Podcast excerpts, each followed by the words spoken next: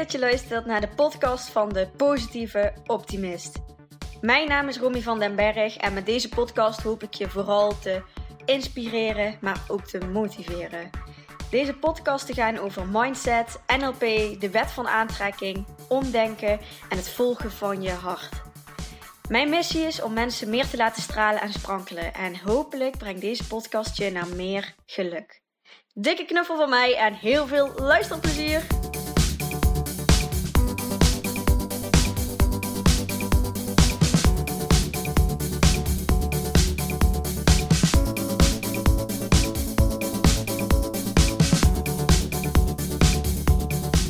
Ja, ik heb weer een interview voor jullie klaarstaan. En deze keer met Milou van Toor. En wat ik allereerst super leuk vind, is dat Milou ook een jonge onderneemster is. Van ongeveer dezelfde leeftijd uh, als ik. En wat ik zo mooi vind aan Milou, is dat ze dicht bij zichzelf blijft. En ook gewoon zo lekker uh, ja, ja, nuchter en deels ook gewoon lekker spiritueel door het leven gaat. Een beetje dezelfde verhouding uh, als ik, denk ik. En Milou verdiept zich vooral in uh, vlindermassages en in familieopstellingen. Alle twee echt super interessante onderwerpen. En ja, we hebben echt heel veel verschillende thema's aangestipt in deze podcast. Dus ja, ik ben benieuwd wat jullie ervan gaan vinden. Laat dat vooral ook eventjes uh, aan ons uh, weten. Dat vinden we super leuk. En dan wens ik je voor nu heel veel luisterplezier. Ik zit hier met Milou, Milou van Toor. En Milou, zou jij in het begin je eens even kort willen voorstellen wie je bent, wat je doet, wat je een beetje bezighoudt uh, in deze periode? Ja, zeker. Mijn naam is Milou van Toor, 26 jaar. Ik heb uh, praktijk Lucky, is mijn praktijk, waar ik de laatste tijd heel veel groei in aan het maken ben.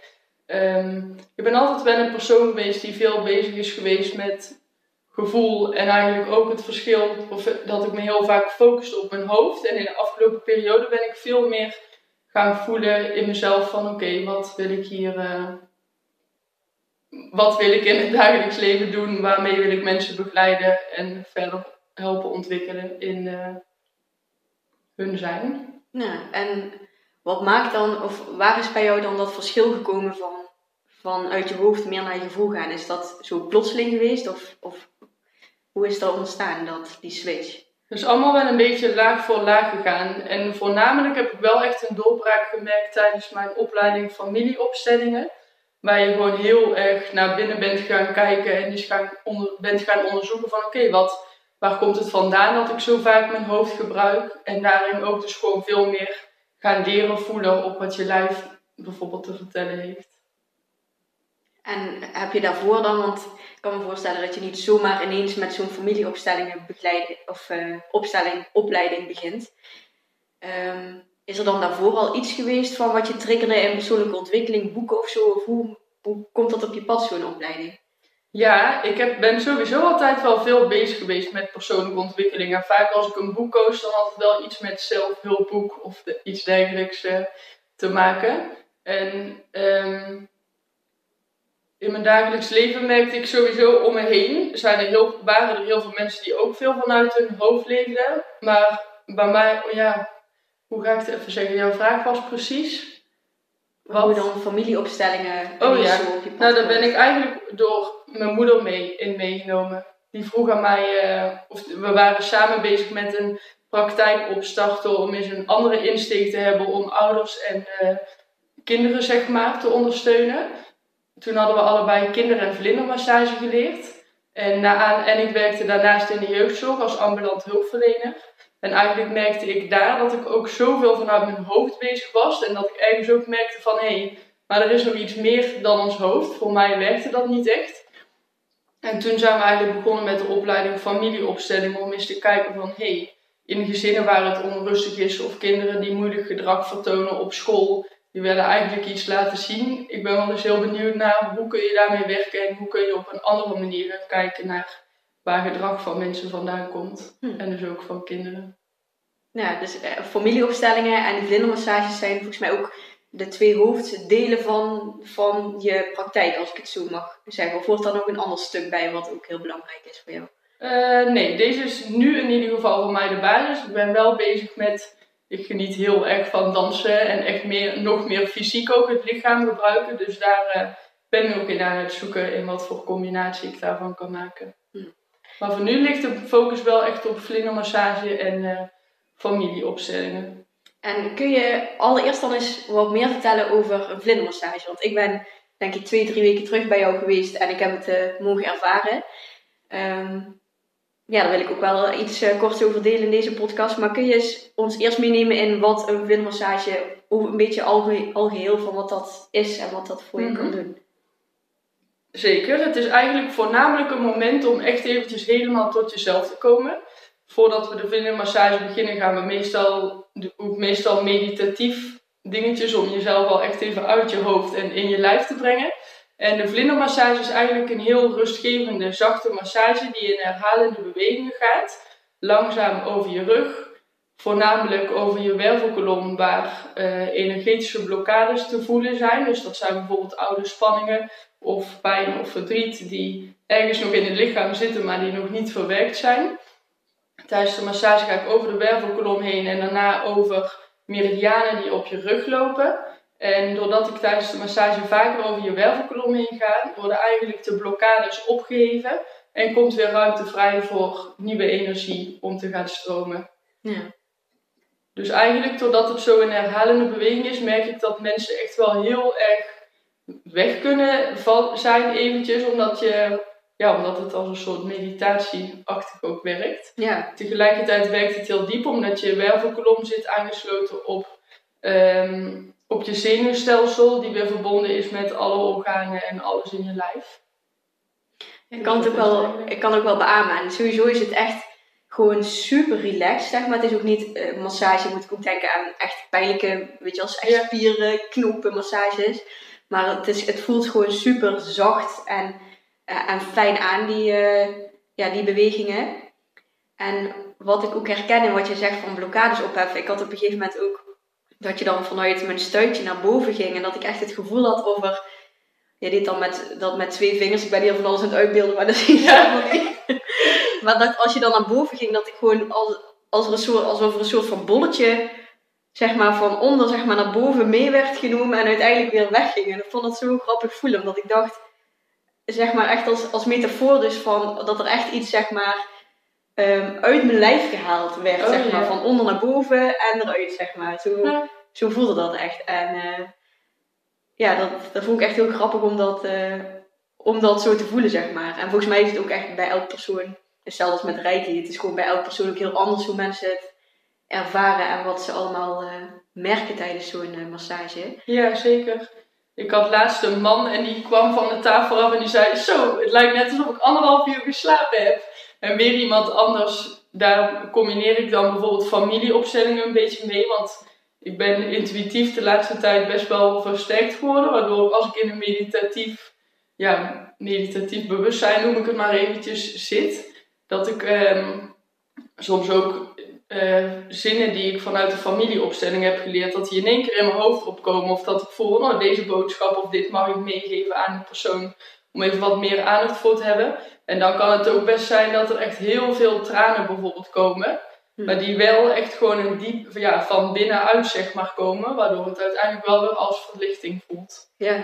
Maar wat jij zegt met dat bolletje, vind ik echt heel grappig om te horen. Want iedereen heeft echt zo zijn eigen, uh, ja, hoe moet ik dat nou zeggen, zijn eigen verbeelding of hoe die het ervaart, zeg maar, de bijbeleving. Ja. Want laatst zei ook iemand, oh, het lijkt net alsof je een bloemetje in één keer helemaal tot bloei hebt gebracht. En weer een ander zei ook, voelde echt helemaal de energiestromen van beneden helemaal naar boven. Dus het is echt heel grappig om te merken hoe divers het voor iedereen uh, werkt. Ja, het is denk ik ook net in welk proces je zit. Want voor mij was het ook, het voelde ook echt als een, als een week van loslaten, zeg maar. Dus, dus dan alsof er dingen uit mijn lijf moesten. Terwijl anderen misschien juist uh, toe zijn aan nieuwe energie in je lijf of zo. Inderdaad, dus dat er dingen opbloeien. Mij was het juist van, ja, laat het maar weer even los. Zeg maar. Dus ja. dat heeft er ik ook wel veel mee te maken. Ja, dat is een mooie ja, hoe je dat zegt. En familieopstelling, want ik kan, kan me voorstellen dat, dat sommige luisteraars ook helemaal niet weten wat dat is. Kun je dat eens uitleggen wat dat uh, inhoudt? Zeker. Uh, eigenlijk is het zo dat wij worden geboren uit onze vader en moeder. En die zijn weer geboren uit hun ouders. Dus eigenlijk kan je jezelf zien als een persoon met een hele waaier aan allemaal voorouders achter je. het is zo dat wij dingen van uiterlijk meenemen, maar ook karaktereigenschappen. En het is ook zo dat dingen die in het verleden gebeurd zijn, uh, heftige gebeurtenissen zoals een ongeluk van eerder of uh, dat er een abortus of iets dergelijks bijvoorbeeld is gepleegd of dat er in een gezin nooit werd gesproken over een bepaald onderwerp of dat boosheid er niet mocht zijn, heeft nog heel veel invloed op hoe jij nu bijvoorbeeld in het dagelijks leven, uh, ja, in het dagelijks leven staat. Dus op het moment dat jij bijvoorbeeld zegt van, oh Milou, ik zit zoveel in mijn hoofd en uh, ik kan maar niet tot mijn gevoel komen, dan ga je bij een opstelling kijken van wat de oorsprong is van het gedrag waar je last van hebt. Dus dan gaan we kijken van, herken je het van je vader of je moeder, of vanaf welk specifiek moment heb je het, zeg maar, heb je er last van? En in een opstelling ga je dus kijken van, oké, wat leeft er op onbewust niveau bij mij? Dus wat is eigenlijk, ja, ik zie het de hele tijd wel een soort van als hoe het met je innerlijk kind gaat. Want we ontwikkelen allemaal, maar als er een heftige gebeurtenis in ons leven komt, dan kunnen we daar, en als we daarna weer worden getriggerd, dat onze partner bijvoorbeeld heel boos wordt op ons, mhm. dat je dan eigenlijk als een kind, als het ware, zeg maar, reageert daarop. Door met een opstelling te gaan kijken, kun je eigenlijk een soort van, ja, je kind zien, waardoor het daarna ook weer verder kan ontwikkelen. Ja, ja ik, ik ben de laatste tijd ook heel veel bezig met dat innerlijke kind. En toen je net het over zo'n massage had, dan... Ik herken zeg maar soms ook dat ik moet huilen. Mhm. En dat ik eh, gewoon voel dat het geen recente tranen zijn. Dat je soms... Ja, ik weet niet. Soms voel je gewoon dat het kindertranen zijn. Ik weet niet of dat raar is om te zeggen, maar... Nee, dat... Um, ik weet niet, dan komt er zo'n oud verdriet omhoog en dan huil je ook anders of zo als het oud verdriet is. Ja, dat het echt gewoon van binnenuit voelt en dat, het, dat je het heel erg voelt in je lijf. Ja. Want dat is wel mooi hoe je dat zegt, want heel vaak is het ook zo dat je op een bepaalde situatie kan reageren, maar dat we met ons hoofd een drama maken, waardoor er een soort van drama-tranen bijvoorbeeld komen. Ja, ja. Alleen kan het dus ook, ja, maar het kan ook zijn als het echt een trigger is en je dan op dat moment ook de weg naar binnen durft te gaan en te voelen van oké, waar voel ik het in mijn lijf? Dat het dan gewoon meer echt gewoon geheeld ook kan worden of zo. Ja, ja. dat herken ik wel. Ja. Dat ik ben sowieso zelf altijd wel benieuwd naar waar komt dit nu dan vandaan, zeg maar. Van welk uh, stuk. En uh, volgens mij had ik het laatst nog, te ben ik even aan het zoeken waar dat, wat er toen gebeurde het ging over dat ik me onveilig voelde. En eigenlijk heb ik dat niet zo vaak. Maar er, mm. en er gebeurde ook echt helemaal niks dramatisch. Maar ineens voelde ik me wel onveilig. En toen ging ik even inzoomen in, zeg maar, in dat gevoel van onveiligheid. En er kwam ineens een verdriet omhoog van... Dus toch iets in, in mijn verleden als klein kind dat ik me... Ja, ik zag ook bepaalde beelden waarin ik me gewoon heel angstig voelde als kind. En dat ik dat niet kon benoemen. Maar... Um, maar dat ik echt hoopte dat, dat iemand het zag om me heen. Van zie je niet dat ik bang ben? Maar ik kon geen woorden uitspreken op dat moment. Zo klein was ik nog, zeg maar. Mhm. Dus ik voelde me toen heel erg in de steek gelaten en angstig. En dat kwam dus ineens naar boven door. Echt, ik weet niet eens meer wat het was. Echt iets super simpels. Uh, helemaal niet groot of zo. Nee, dat kan nooit zo zijn. En uh, dan is de impact voor jou dus als kind wel echt super groot geweest. Ja, ja. en dat heb je dan gewoon nog helemaal niet kunnen aankijken. Of, eh, nee. ja, dat vermogen had je toen ook nog helemaal niet. Dus dat vind ik wel interessant hoe dat werkt, ja. Ja. En je hebt het over opstellingen, maar ik kan me voorstellen, ja, ik heb ook een klein stukje systemisch werk gehad in uh, de NLP-opleiding. Maar mhm. kun je ook uitleggen wat, wat een opstelling is? Ja, in een opstelling ga je dus eigenlijk. Um, een opstelling is eigenlijk een weergave van hoe het innerlijk en op onbewust niveau voor jou een bepaalde situatie is. En niet alleen van jou, maar ook van bijvoorbeeld je ouders. Kijk, als uh, het bijvoorbeeld tussen ouders even niet lekker gaat, kun je als kind onbewust of bewust voelen: oh, ik, volgens mij heb ik daar iets te doen, of ik wil dat het beter gaat tussen papa en mama, of tussen mijn ouders. Papa en mama klinkt even kinderachtig, maar uh, dan ga je als kind soms automatisch tussen je ouders staan. En dan denk je: oh, hoezo voel ik me helemaal niet lekker in, mijn vel en waarom lopen dingen niet, zo, niet lekker? Dat komt dus doordat je niet je eigen plek hebt ingenomen, omdat je tussen je ouders staat. En jij niet tussen je ouders hoort, omdat jij de kleine bent en het kind bent van hun. En eigenlijk niks voor je ouders in die zin kan betekenen. Uh, en in een opstelling ga je dus kijken van oké, hoe gaat het op onbewust niveau bij mij? En dan zie je dus gewoon letterlijk aan de houding, bijvoorbeeld van je vader of je moeder, hoe die ten opzichte is van jou. Of ze jou letterlijk kunnen zien, of dat je. Uh, ja, dat eigenlijk is er duidelijk omschreven. Ja, ja, het is ook echt, het is iets, als je het ziet, zeg maar, is het echt uh, vanzelfsprekend of zo, vind ik. Maar Mhm. als je er zo over eh, leest of zo, dan vind ik het altijd wel moeilijker te begrijpen of zo. Maar ik heb dus, ik kan wel een ervaring meegeven van dat ik zelf, want je hebt dus representanten soms bij een opstelling. Ja. Eh, dus, ehm, ik weet niet of jij ook werkt met bijvoorbeeld, ehm, ehm, weet ik veel, materialen. Dus dat je Ja. gewoon iets eh Ja, dat wilde houtblokjes neerlegt of zo. Je hebt dus eh, verschillende vormen inderdaad. Want met een massage combineer ik het vaak ook. En dan doe ik het dus meditatief. Dus als een soort visualisatie van oké, er komt iemand aangelopen, het is je vader. En dan ervaren van oké, hoe voelt het in je lijf als je vader naar je kijkt? Wat zie je in zijn ogen? Ja. En je kan het dus ook met poppetjes doen als je het fijn vindt om één op één te werken. Maar je kan het inderdaad ook met mensen doen. En dan ga, heb je gewoon een groep aan mensen, die hoeven niet familie te zijn. Het liefst ook juist niet, omdat iedereen er dan het meest ja, eh, neutraal in staat. Ja. En dan ga, kan ik dus aan jou bijvoorbeeld vragen, kun jij voor de vader staan van, kun jij voor de moeder staan? En dan ja. heb je ooit, ah, ja, en dan heb je ooit ervaren hoe het is om als representant Ja. te zijn? Ja, en dat vind ik dus, dat vond ik zo grappig, want dat was bij mijn NLP practitioner, maakte ik daar voor de eerste keer kennis mee. En ehm, ik vond het allemaal maar een beetje vlierenfluiter, zweverig eh, gedoe. Dat was echt, ik was toen veel nuchtiger, nuchter stond ik zeg maar in het leven. Ja. En ehm, iemand werd opgesteld als mijn moeder, dus ik, eh, ik kreeg een eh, sessie. En ehm, nou, die vrouw die ging ineens dingen doen, waar, gewoon bewegingen die mijn moeder altijd doet. Of ja, gewoon bepaalde manieren van woordgebruik of Ja. taal. Dat ik echt dacht van, dit is gewoon creepy, hoe, eh, hoe doe je dat? En voor haar was het ook de eerste keer. Dus zij, zij zei ook zo van, ja, maar dit, het voelt gewoon alsof ik even niet mij ben, maar alsof ik echt eh, een andere plek inneem, zeg Ja. maar. En het is echt bizar hoe dat gebeurt. Hoe, en eigenlijk ook wel niet, want alles is energie. En Mhm. Ehm, ja, dat pik je toch zo op. Maar het is echt bizar hoe mensen als ze opgesteld worden. En ik heb dus zelf ook, ben vaker representant geweest dat ik dus ineens moest staan voor iemands zus of weet ik veel Ja. wat. Dat je ineens ingevingen krijgt, dat je bepaalde dingen het gevoel hebt dat je bepaalde dingen moet zeggen.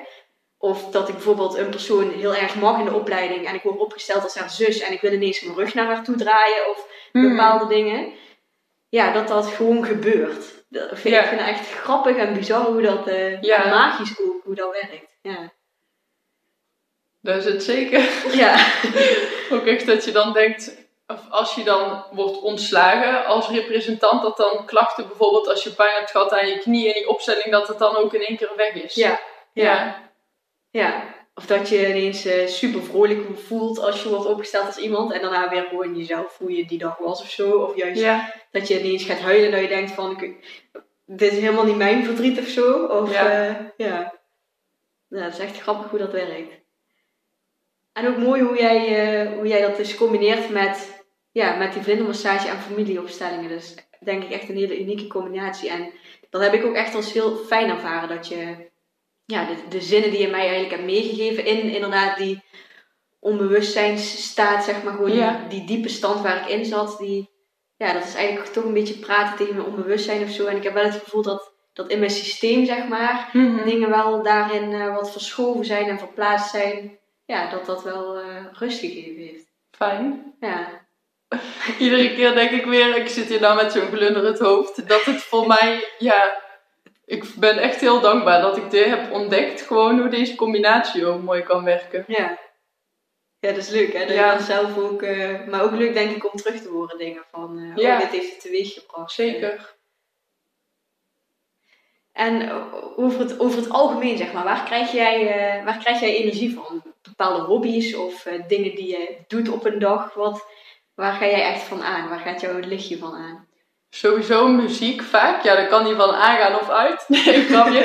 Met eh, muziek doet me altijd wel heel veel. Als ik me even niet lekker voel, dan vind ik het heel fijn om af en toe een liedje aan te zetten waar ik juist even in de emoties kan gaan. Of ik ga lekker eh, dansen. Dat geeft me echt heel veel energie. Dat is ook echt een moment geweest. Daar zat ik vanmorgen nog aan te denken. Dat ga ik benoemen. Ecstatic dance, daar hebben wij het laatst over gehad ook, toch? Dat is voor mij echt ook een grote omslag geweest. Dat ik daar naartoe ben gegaan. Vroeger, vroeger, tussen aanhalingstekens beeld ik hier uit. Eh, als ik naar de kroeg ging, was ik echt altijd heel veel bezig met hoe kijken anderen naar mij. Uh, kan, raar, dans ik niet raar? Oh, misschien is het wel een beetje gek wat ik doe. Bla bla bla. Al die stemmetjes in je hoofd.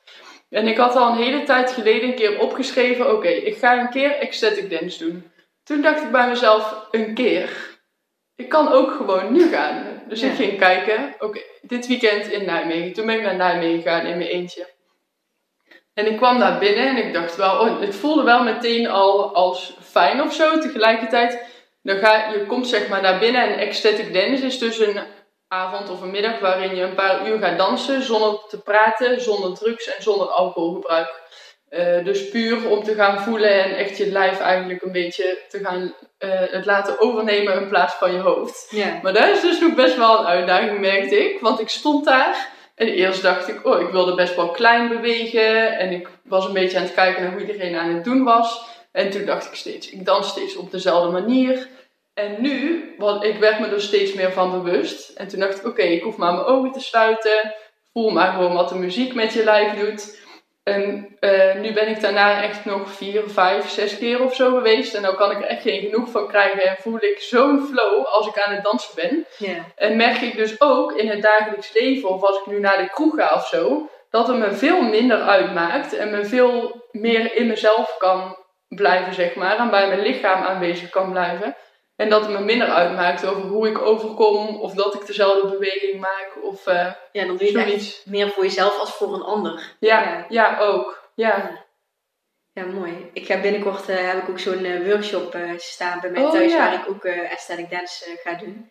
Maar ehm, ja, ik heb altijd gedanst ook, zeg maar. Dus echt ehm, gewoon als, eh, als hobby, zeg maar, als sport. Ehm, Ja, tof. Dus ik was ook altijd gewoon bezig met ja, choreografie, zeg maar. En Mhm. ik vond het juist altijd super gaaf om te zien bij zo'n programma's als So You Think You Can Dance of zo, dat als mensen dan zeg maar, ehm, zeg maar intuïtief, dus niet voorbereid gingen dansen, dacht ik Ah, altijd van ja. ja, hoe dan, hoe dan, hoe dan? En af en toe dan kan ik zelf zeg maar zo'n glimp krijgen van, als je dus echt je intuïtief zeg maar echt laat meebegeleiden door de muziek. En bij mij ligt dat vaak als ik mijn ogen dicht doe Mhm. beter. Eh, vooral ook dus als er anderen zijn, dat je dan nog meer kan focussen op jezelf. Maar dat je dan ineens bewegingen kan maken dat je ook echt denkt van, volgens mij is het ook gewoon mooi, weet je wel. Ja. Gewoon omdat, omdat iemand dan zo in zijn eigen lijf zit, zeg maar. Dan, ja, het is misschien ook, misschien vinden anderen het helemaal niet mooi om te zien. Maar ik vind het echt super mooi om mensen intuïtief te zien bewegen. ook ook. al zijn het hele gekke bewegingen, kan ik me echt helemaal verdwalen in gewoon dat ik denk, oh, je zit zo lekker in die flow, zeg maar. Ja, Ja. zo verwonderlijk of zo, wat je Ja. dan in één keer... Ja, klopt. Ja, Waar nog meer mijn vuurtje van aangaat, hè? ja Eh, dat was de vraag. Dat was de vraag. Dit is in ieder geval heel duidelijk geworden. Ja. Eh, natuur, reizen, eh, contact leggen met verschillende mensen. Ja, ik hou er ook heel erg van om eh, nieuwe dingen te ontdekken op persoonlijk ontwikkelingsvlak. Dus een cacao-ceremonie heb ik een keer geprobeerd. Eh, nu kom ik even niet op andere dingen, maar ik heb heel veel verschillende dingen ontdekt, zeg maar. Daar hou ik heel erg van. Ehm, ik zit best wel veel, ben best wel actief op Instagram. Daar krijg ik bij momenten ook wel echt op zich wel energie van. Niet altijd, als je jezelf gaat vergelijken. Maar ik haal er ook wel wel veel inspiratie uit. Van hé, wat is er nog meer mogelijk? Ehm, Ja, dat is al best wel een lijst.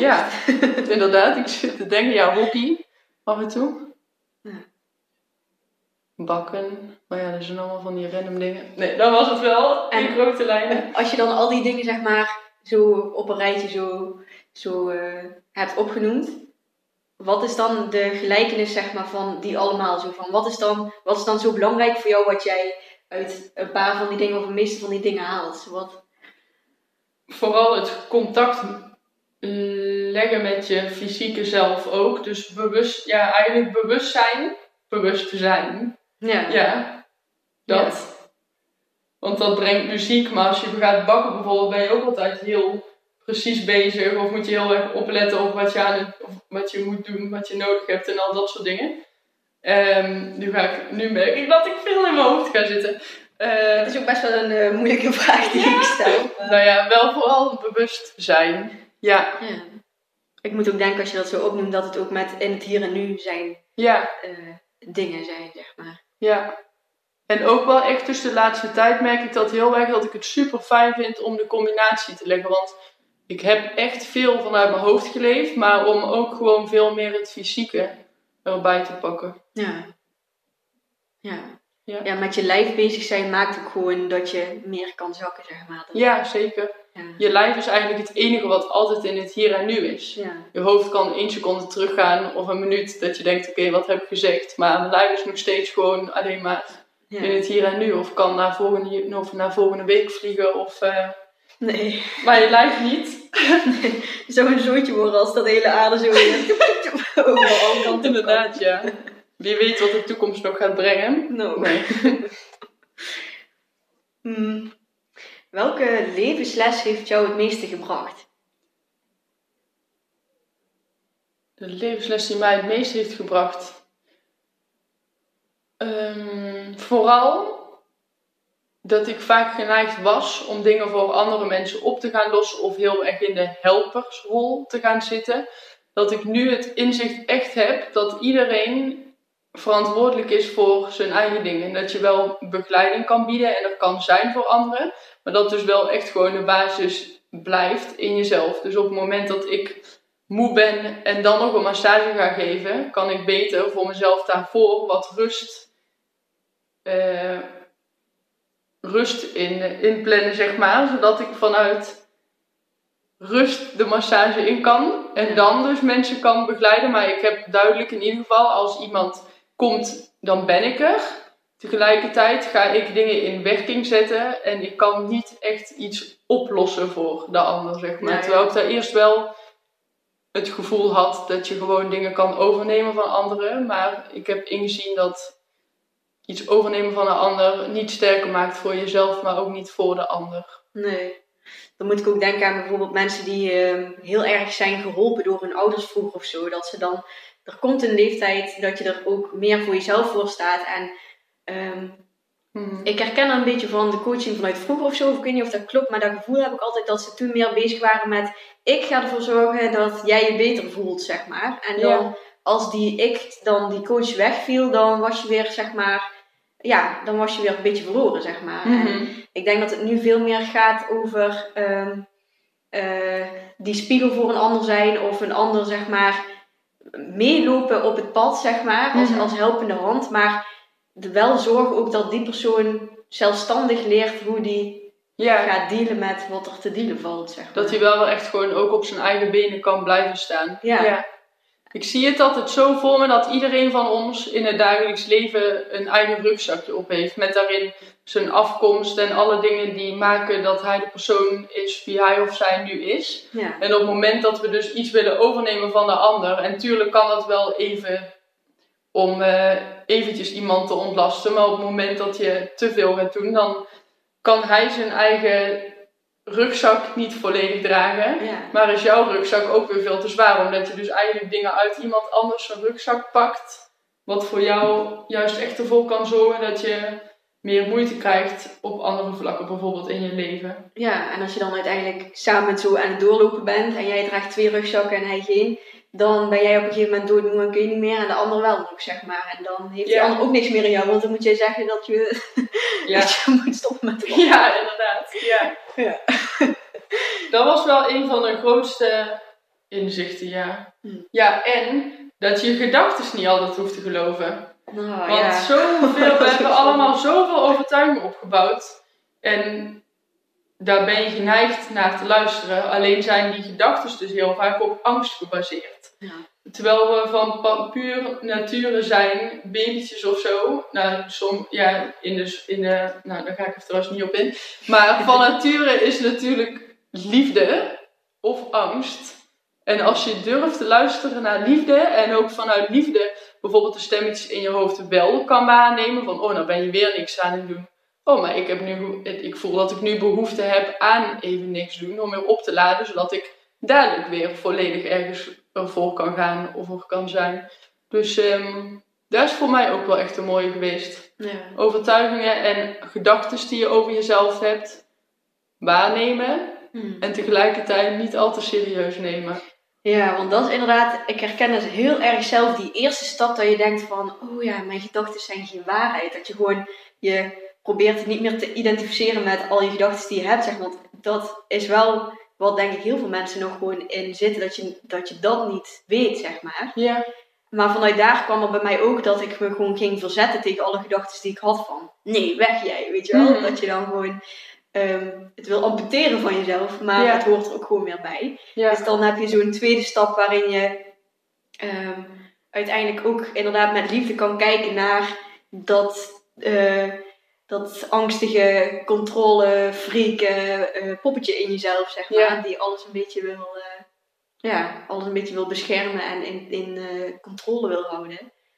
En ja, dat is eigenlijk zo'n zo'n mooie vervolgstap daarop. Dat je na die bewustwording ehm, dus ook nog het niet gaat veroordelen van jezelf, maar er met liefde naar kan kijken. Ja. ja, want we zijn nou eenmaal mensen en ons hoofd hebben we. En die is met momenten ook super fijn. Vooral om grote vraagstukken en zo op te lossen en overzicht weer te creëren. Ja. Tegelijkertijd die stemmetjes die tussendoor komen, willen ons juist ook heel vaak van ons padje afbrengen eigenlijk. Ja. Mooi hoe je dat zegt, ja. ja, ik moet denken aan, ik heb laatst nog een keer die film gekeken. Ik vind dat echt zo'n leuke tekenfilm, die heet Inside Out. Ja. En dat gaat dan eigenlijk Ehm, dus je hebt een gezinnetje en het gaat vooral over ehm, een dochtertje en een vader en moeder. En het gaat vooral over dat dochtertje. En dan zie je dus soms stukken van dat het dochtertje gaat verhuizen of zo. Of het dochtertje gaat eh, voor de eerste keer naar school. En ehm, ja, de, de andere tijd van de film gaan ze zeg maar inzoomen in het hoofd van het dochtertje. En dan zijn er dus verschillende poppetjes in haar hoofd die haar besturen. Het is echt Oh. een superleuke metafoor van hoe wij leven als mens, zeg maar. Ja. Dus er is, er is een soort van gelukspoppetje in haar, die dan Mhm. dat zie ik een beetje als de ziel, zeg maar, die dus zorgt voor vreugde en dat alles fijn verloopt. En er is één poppetje die, eh, dat is zeg maar angst, die noemen ze ook angst volgens mij. En die is Ja. dan met alles wat er gebeurt, oh nee, oh nee, oh nee, ik heb het echt verpest, oh help. En die rent dan de hele tijd rond in die kamertjes. Grappig. Het is echt een superleuke film, zeg maar. En je hebt ook eentje die dan een beetje eh, gefrustreerd, geïrriteerd is de hele tijd, zeg maar, op alles. En eentje is boos, dus die wil de hele tijd, zeg maar, overal boos op worden. En alle emoties zitten er een beetje in. Ja. Ja, het is echt het is heel grappig hoe ze dat, zeg maar, in zo'n metafoor in Dat een film hebben ja. Ik heb daar nooit niet van eh de film gehoord, maar dat zou ik eens opzoeken. Ja, het is echt een superleuke film Ja. om te kijken. En het leuke is, wat jij nou zegt, daar denk ik aan. Ook alles zit in ons. En als we emoties als verdriet en zo weg gaan duwen, dan kun je als een bal zien, hè? Ja. Die je onder water probeert te duwen. Ja, geheid dat die ooit naar boven gaat komen. En dan misschien wel als heel erge boosheid. Ehm, dat alles gewoon bij het leven hoort. Ja. En natuurlijk is het het fijnste als je meer een deel van de dag of van de dagen je fijn voelt. En daar kun je vaak ook alleen maar komen, of in ieder geval zo zie ik het. Dus maar de waarheid die ik zie, dat kun je voornamelijk kun je daar komen door ook de dalen in te gaan. En door ook het verdriet echt te doorvoelen en dat een plekje te kunnen geven om daarna weer verder te kunnen, zeg maar. Ja. ja, dat contrast hebben we ook gewoon echt nodig. Omdat ja. we anders ook niet eens weten wat vrolijk zijn is, zeg maar. Als je Nee, andere stand kent. Mhm. Ja. Maar dat is echt zo'n zo'n les van mij, waar ik nog steeds soms ook gewoon in zit hoor. Dat je dan gewoon ehm, eh, het weg wil hebben van bepaalde delen van jezelf, zeg maar. Dat je gewoon niet blij bent met bepaalde delen, hoe ze zich zeg maar tot uiting brengen. En dat je dat Ja. dan eh, het liefst even wil amputeren, zeg maar. Mhm. Maar eh, ja, juist, juist door alles er te laten zijn, ehm, krijg je die, die oplossing van, van dat wat wringt of wrijft of zo. Daardoor kan het juist zeg maar oplossen en verlichten en Ja. weer zijn plekje innemen, zeg maar. Ja, zeker. Alles, al het gedrag komt ergens vandaan van wat we laten zien, vanuit een bepaalde behoefte of vanuit een emotie. En eigenlijk is alles er ook om gezien te worden. Ja, Ik zie het soms als bijvoorbeeld een klein kind heel Ja. vaak eh, om aandacht vraagt. Ja, als je dat gaat negeren, dan gaat hij zijn gekste dingen doen om haar aandacht te krijgen. ja. Maar op het moment dat je dan zegt, hé, hey, ik zie je, of eh, kom, we gaan eventjes dit doen, of wat wil je vertellen, dan kun je daarna ook gewoon weer verder. Ja. ja ik ben heel eh, visueel ingesteld, dus ik ben dan vaak ook bezig met ehm is één gedachte. Dus bijvoorbeeld als ik me verdrietig voel, om dan ehm, ik, vaak de kleine Romy in me, want die zit dan toch ook vaak gekoppeld aan alles, alle emoties, zeg maar. Om die dan zeg maar even een eitje over de bol te geven of even een knuffel van, oh ik Oh, zie je, ja. ik hoor je. Het is- is ook weer best wel systemisch eigenlijk. ja. Ehm, ja, in gedachten doe ik dat veel. Is echt, het klinkt misschien heel raar, maar als er dus iets is, dus ook bijvoorbeeld als ik bang ben of zo van, oh maakt niet uit, weet je wel. Ja. Het lijkt wel schizofreen maar dan ben ik gewoon Nee. mezelf aan het praten van, maakt niet uit, je mag ook bang zijn. En dat je dan zo Mhm. jezelf aan het aaien bent en kal ja, en kalmeren niet, want dan wil je dus iets zo snel mogelijk laten stoppen, maar het er gewoon laten zijn, zeg maar. Ja, Ja. gewoon de veiligheid bieden aan jezelf dus eigenlijk. Ja. Wat we heel vaak geneigd zijn om buiten onszelf eh, te gaan zoeken. Ja. Kan je de bevestiging en liefde uiteindelijk ook in jezelf vinden. Ja. ja. Ehm, wat inspireert je de laatste tijd het meeste? Is er een boek waar je mee bezig bent of een bepaalde theorie of ehm, leefwijze of zo die je inspireert? Hmm, dat is een goede vraag. Heb ik nu iets specifieks wat me heel erg inspireert? Eigenlijk op dit moment even niet. Ja, met periodes heb je dat heel sterk, hè. Maar eh, ik nodig mezelf nu steeds meer uit om gewoon te zijn in het hier en nu. En te gaan voelen en te volgen waar ik eh, behoefte aan heb of zin in heb. En meer op mijn, ja, mijn praktijk uitbouwen. Ik ga bijna verhuizen, dus daar is mijn hoofd vooral op dit moment druk bezig mee. Ja. Ik heb nu even niet... eh, Nou Ja, het- geniet gewoon heel erg met- en genieten ja. is ook een inspiratie. Ja, dat is zeker waar. Ja, Ja, verhuizen, ja, want dat vond ik ook nog wel leuk om te benoemen. Want je gaat, eh, je woont nu in Uden en je gaat verhuizen naar eh, de big city eh, Amsterdam. Ja. En daar ga je dan ook je praktijk, eh, klopt. ja. En dit is echt grappig, want ik heb dus gewoon... Mijn vriend komt ook nog bijna, die heb ik al vanaf december niet meer gezien. Die woont in Canada. Maar eh, vorig jaar toen hij in Nederland was, in juli, toen zei, ik- was hij in Amsterdam. En toen woonde ik in Nijmegen. En toen zei ik tegen hem, kom maar naar Nijmegen toe. Want Amsterdam, ah, ik voel me daar nooit zo fijn. En nu in één keer, hé trouwens, nu kun je naar Amsterdam komen, want ik woon daar. Dus echt heel grappig om te zien hoe je kan ontwikkelen. Want eh, ik had dus twee meiden via Instagram een hele tijd geleden leren kennen. En daar had ik best wel goed contact mee. Die hadden een platform samen opgestart en ik had daar een training voor geschreven. En eh, ik had eigenlijk zoiets van, nou, ik weet niet zo goed waar ik wil gaan wonen. Of het nou in Nijmegen is, of eh, nou, misschien wilde ik naar, wel naar Canada toe. Of nou, Amsterdam leek me op zich ook wel leuk. En toen was ik met een van die meiden iets gaan drinken. En toen zei zij in één keer, zou je serieus ook in Amsterdam willen wonen? Want wij hebben een appartement gevonden voor elf maanden en we zoeken nog een derde huisgenoot. En ik heb tegen dat meisje met wie ik ga samenwonen, heb ik letterlijk nog gezegd, een persoon als Milou zou wel chill zijn. Maar die woont in het zuiden van het land, die gaat niet in één keer verhuizen. En toen dacht ik, nou, volgens mij ga ik dit toch doen. Ja. Dus het is echt heel grappig als ik mezelf dan nou terugzie van een jaar geleden. Nee, Amsterdam veel te groot. Ja, dan zijn de stemmetjes die jou stiekem kleiner willen houden of eh, beschermen of wat dan ook. Nu, Ja. ja, ook echt grappig hoe dat, gaan. hoe zo'n, eh, dat is gewoon een manifestatie eventjes uitgeduid in een, ja, soort van wel, ja. Ja. Ja, gaaf hoe dat, eh, hoe dat gebeurt.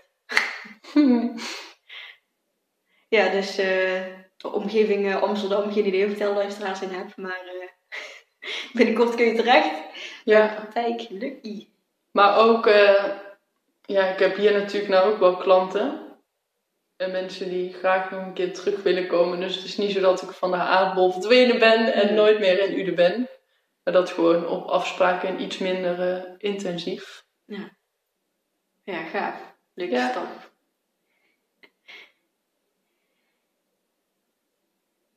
Welke persoon heeft het meeste indruk gemaakt in jouw leven? Is er een persoon die nou zo in je opkomt? Nou, het meest denk ik dan aan Elmer Hendricks van de familieopstellingenopleiding. Oké. Hoe heel puur en nuchter en relatief hij gewoon naar het leven kan kijken en het kan waarnemen en ja, dat. Ja. ik ben er ook niet mee. Wat zei je? Ik, ben, ja, ik, ken, ik ken die hele persoon. Nee. Ik ken hem nog niet. Dus, eh, maar ja, kun je er meer woorden aan geven van wat, wat doet hij dan of zo? Wat, eh, wat jou zo inspireert? Of kun je een voorbeeld geven van? Ehm, ja, voornamelijk als je bijvoorbeeld een... Hij heeft ook opstellingen van mij begeleid. Als ik dan ergens tegenaan, eh, tegenaan hikte en heel erg verdriet voelde of zo. Dan, ah ja, je hebt verdriet. Of je voelt verdriet. Ja. Het waarnemen en er verder niet zoveel van vinden, zeg maar. Ja, ja. Echt zo dat oordeelloze Ja, gewaar zijn. Van, ja. ja. En dat is eigenlijk met alle dingen in het leven. Ja, ik weet niet zo goed hoe ik dit moet uitleggen, maar heb je zo een duidelijk genoeg beeld?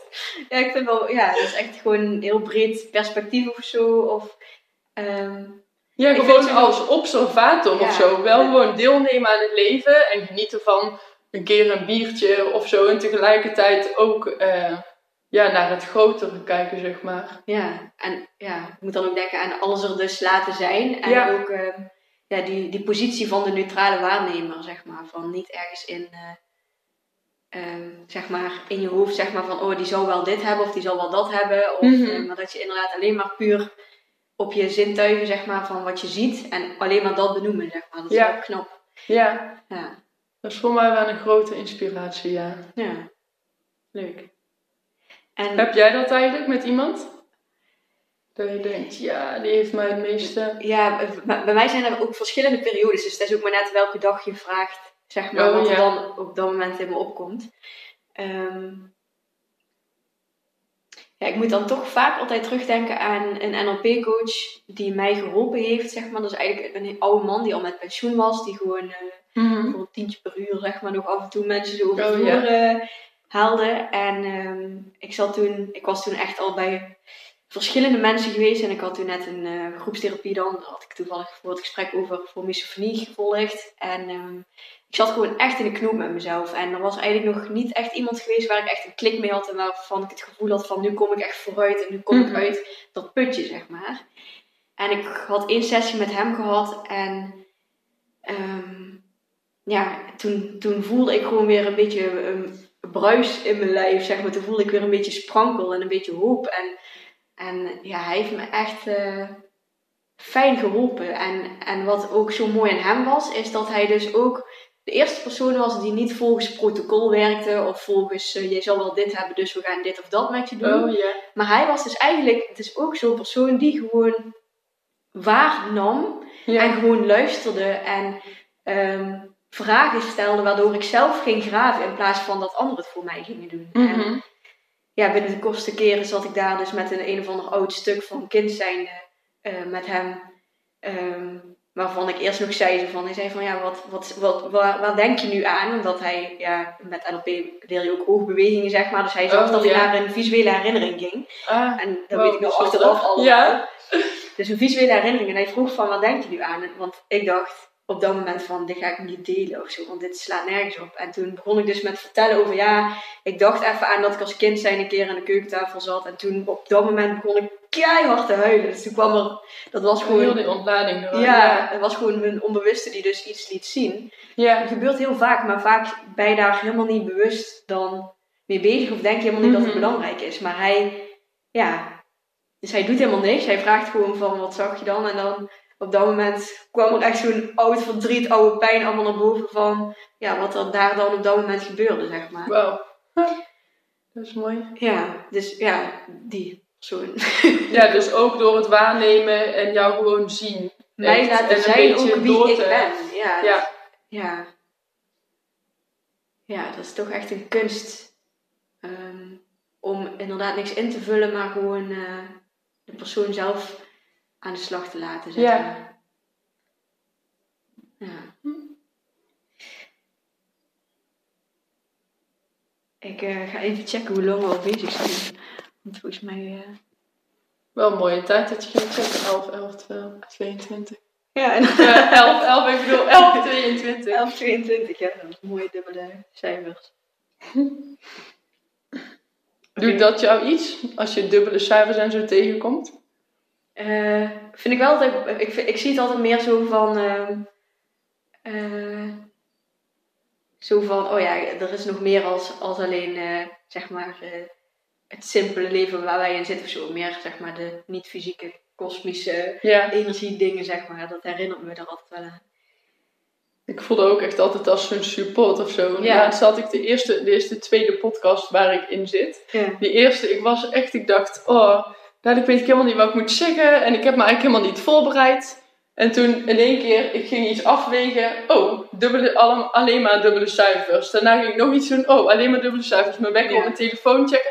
Oh, die gaat pas over 3 uur en 33 minuten. En toen voelde ik, ik ben er klaar voor. Ja. Dat, er, dat is echt gek dat je dan van een paar cijfertjes zo'n bevestiging kan Ja. halen. Maar eh, Ja. die, die werking kan het wel hebben, ja. ja, inderdaad. Zo is het voor mij vaak ook zo van, ik word geleid of zo. Dat Ja. is een beetje wat ik dan denk.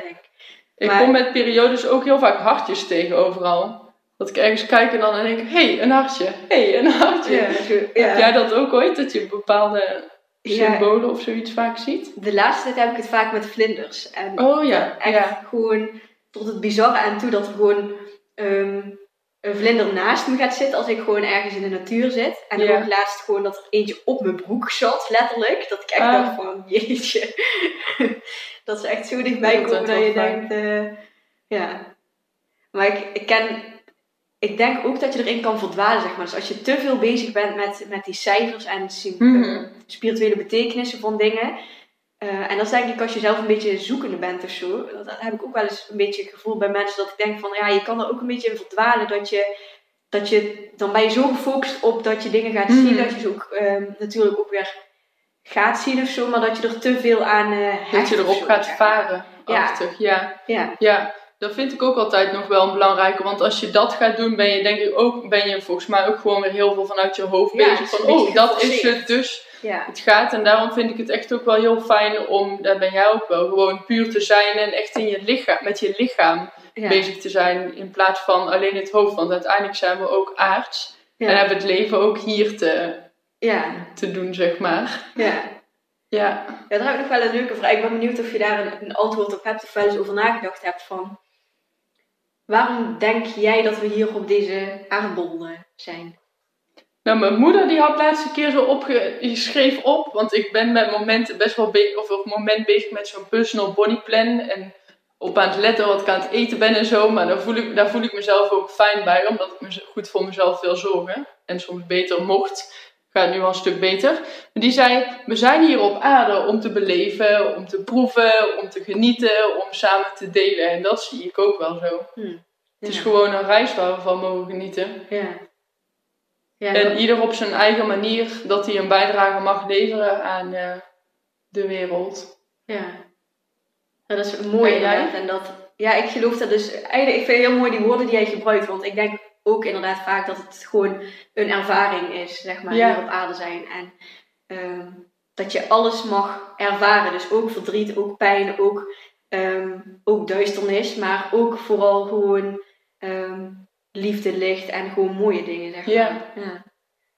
Want als je zo gewoon überhaupt al naar buiten kijkt, dat je echt, dat heb ik wel eens gehad, dat ik dan naar buiten kijk en dat ik denk, hoe bizar. Dat ieder bloemetje er anders uitziet, iedere boom anders. En Ja. dat er gewoon ontstaat. Zo je verwonderen over Ja. wat er is. Ja. Ja. Dat heb ik ook met zo'n periodes. Ja, dan voel ik me echt zo'n eh, euforische eh, moeder Teresa of zo. Die dan eh, met alles helemaal onder de indruk is. Zo. Ja. Ja. Ja. En hoe denk jij over ehm, het, het, het leven- en doodconcept, zeg maar, hoe dat dan, hoe dat dan werkt? Nou, tijdens de opleiding en zo heb ik echt voor, zie ik ook heel erg in. Dat is een beetje hetzelfde als wat we net zeiden. Zonder verdriet ga je de vreugde ook nooit zo intens beleven als dat je de, het verdriet ook omarmt. Dat is eigenlijk ook zo met het leven. Op het moment dat je heel bang bent voor, voor de dood, kun je nooit voluit leven. Hm. Want dan voel je wel angst om uit, ja, nou ga ik even in het extreme, maar bijvoorbeeld in bungee jump of zo, daar denk ik aan. Dan ga je denken, oh nee, dat wil ik niet, want dadelijk val ik neer. Of ik noem maar even iets. Nee. Of ja, dit is niet even iets, maar ehm, ja, it's a part of life. Dat is het sowieso. En ook dat, ja, ik snap het, dat mensen daar angstig, angst voor voelen. Ik ben er niet echt heel erg bewust mee bezig. Tegelijkertijd, ja, tegen dingen waar we ons heel erg tegen gaan afzetten, dat is bijna nooit ondersteunend. Nou ja, dan moet ik, ja, ik moet dan denken aan alles laten stromen, zeg maar. En ehm, zeg maar iets tegen willen houden of onderdrukken of zo. Of eh, Mhm. vast willen zetten of zo. Dat, dat, dat, is, dat heeft gewoon niet te maken met die stroming en flow die het leven ook kan zijn, zeg maar. Ja. Dus, ja. En je kan, vaak zijn we, omdat we veel aan het nadenken zijn en veel aan het overleven. Ja. Op het moment dat je gewoon meer vanuit liefde kan kijken naar dingen en dat je ook echt het leven kan gaan beleven, dan Ja. ben je in plaats van overleven gewoon aan het leven. Hm. Ja, Ja. zo kijk ik ernaar. ja, dat is wel een mooie, inderdaad, eh, over, overleven. Ja. En heel vaak heb ik er wel moeite mee hoor, als ik erover na ga denken, als iemand van mijn dierbaren bijvoorbeeld eh, overlijdt, dat je dan natuurlijk niks meer kan delen met diegene. Tegelijkertijd hebben we ook het bewustzijn dat het nu wel kan. Dus op het moment dat je daarin heel erg een angst of zo voelt, dan kun je er ook voor zorgen dat je nu gewoon extra geniet. En eh, Dat is ook zo. Hè? Ja. Hoofd is altijd bezig in de toekomst of verleden, zeg maar. ja, klopt. In het nu is er nooit niet zoveel aan de hand. Mhm. Het is grappig, want ik herken het wel. ehm, ehm, ik vind het altijd leuk om dingen zeg maar, terug te trekken naar de kern. En daar zei iemand ehm, bijvoorbeeld van: Oh, ik ben bang om diegene kwijt te raken. Maar angst is niet zeg maar waar het begint. Het begint dus eigenlijk vaak met iets heel moois. Van: Oh, ik voel heel veel liefde voor die persoon.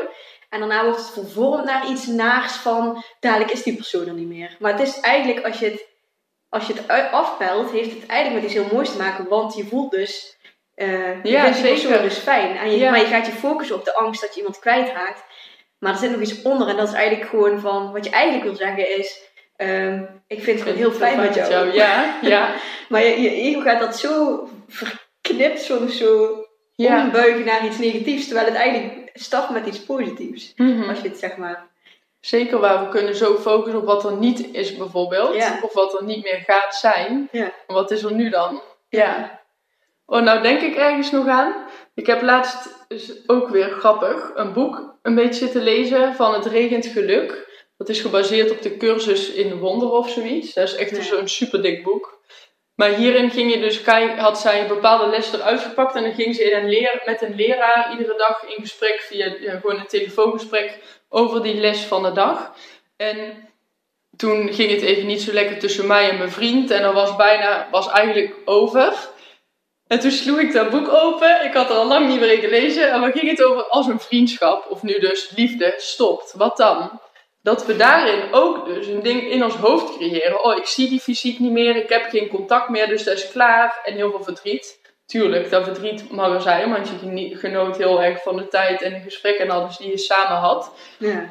Toen heb ik echt weer een inzicht gekregen dat zij zei: ieder moment dat diegene dus in jouw gedachten komt, is die gewoon bij jou. Die is gewoon in jouw bewustzijn. Dan is hij er fysiek misschien niet meer, Ja. of zoals je het had, zoals het eerst was. En dat was voor mij zo'n geruststelling of zo, dat ik dacht: oh ja, het hoeft ook helemaal niet zo zwart-wit.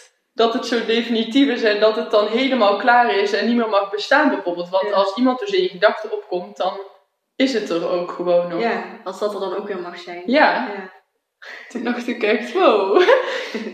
Ik moet dan ook denken aan, dat is echt, eh, dan crash ik even alle eh, verliefdheid eh, met wat ik nu ga zeggen. Maar dat, ik doe even mijn oren dicht.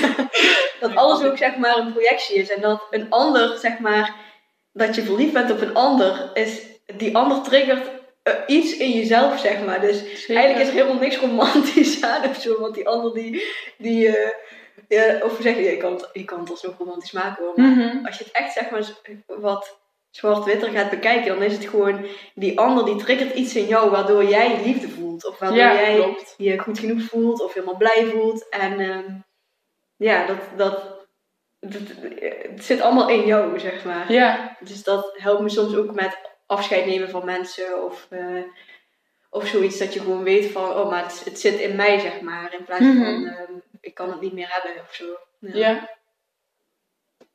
Dus eigenlijk is alles in het dagelijks leven een spiegel van hoe het met jezelf gaat ook. Ja.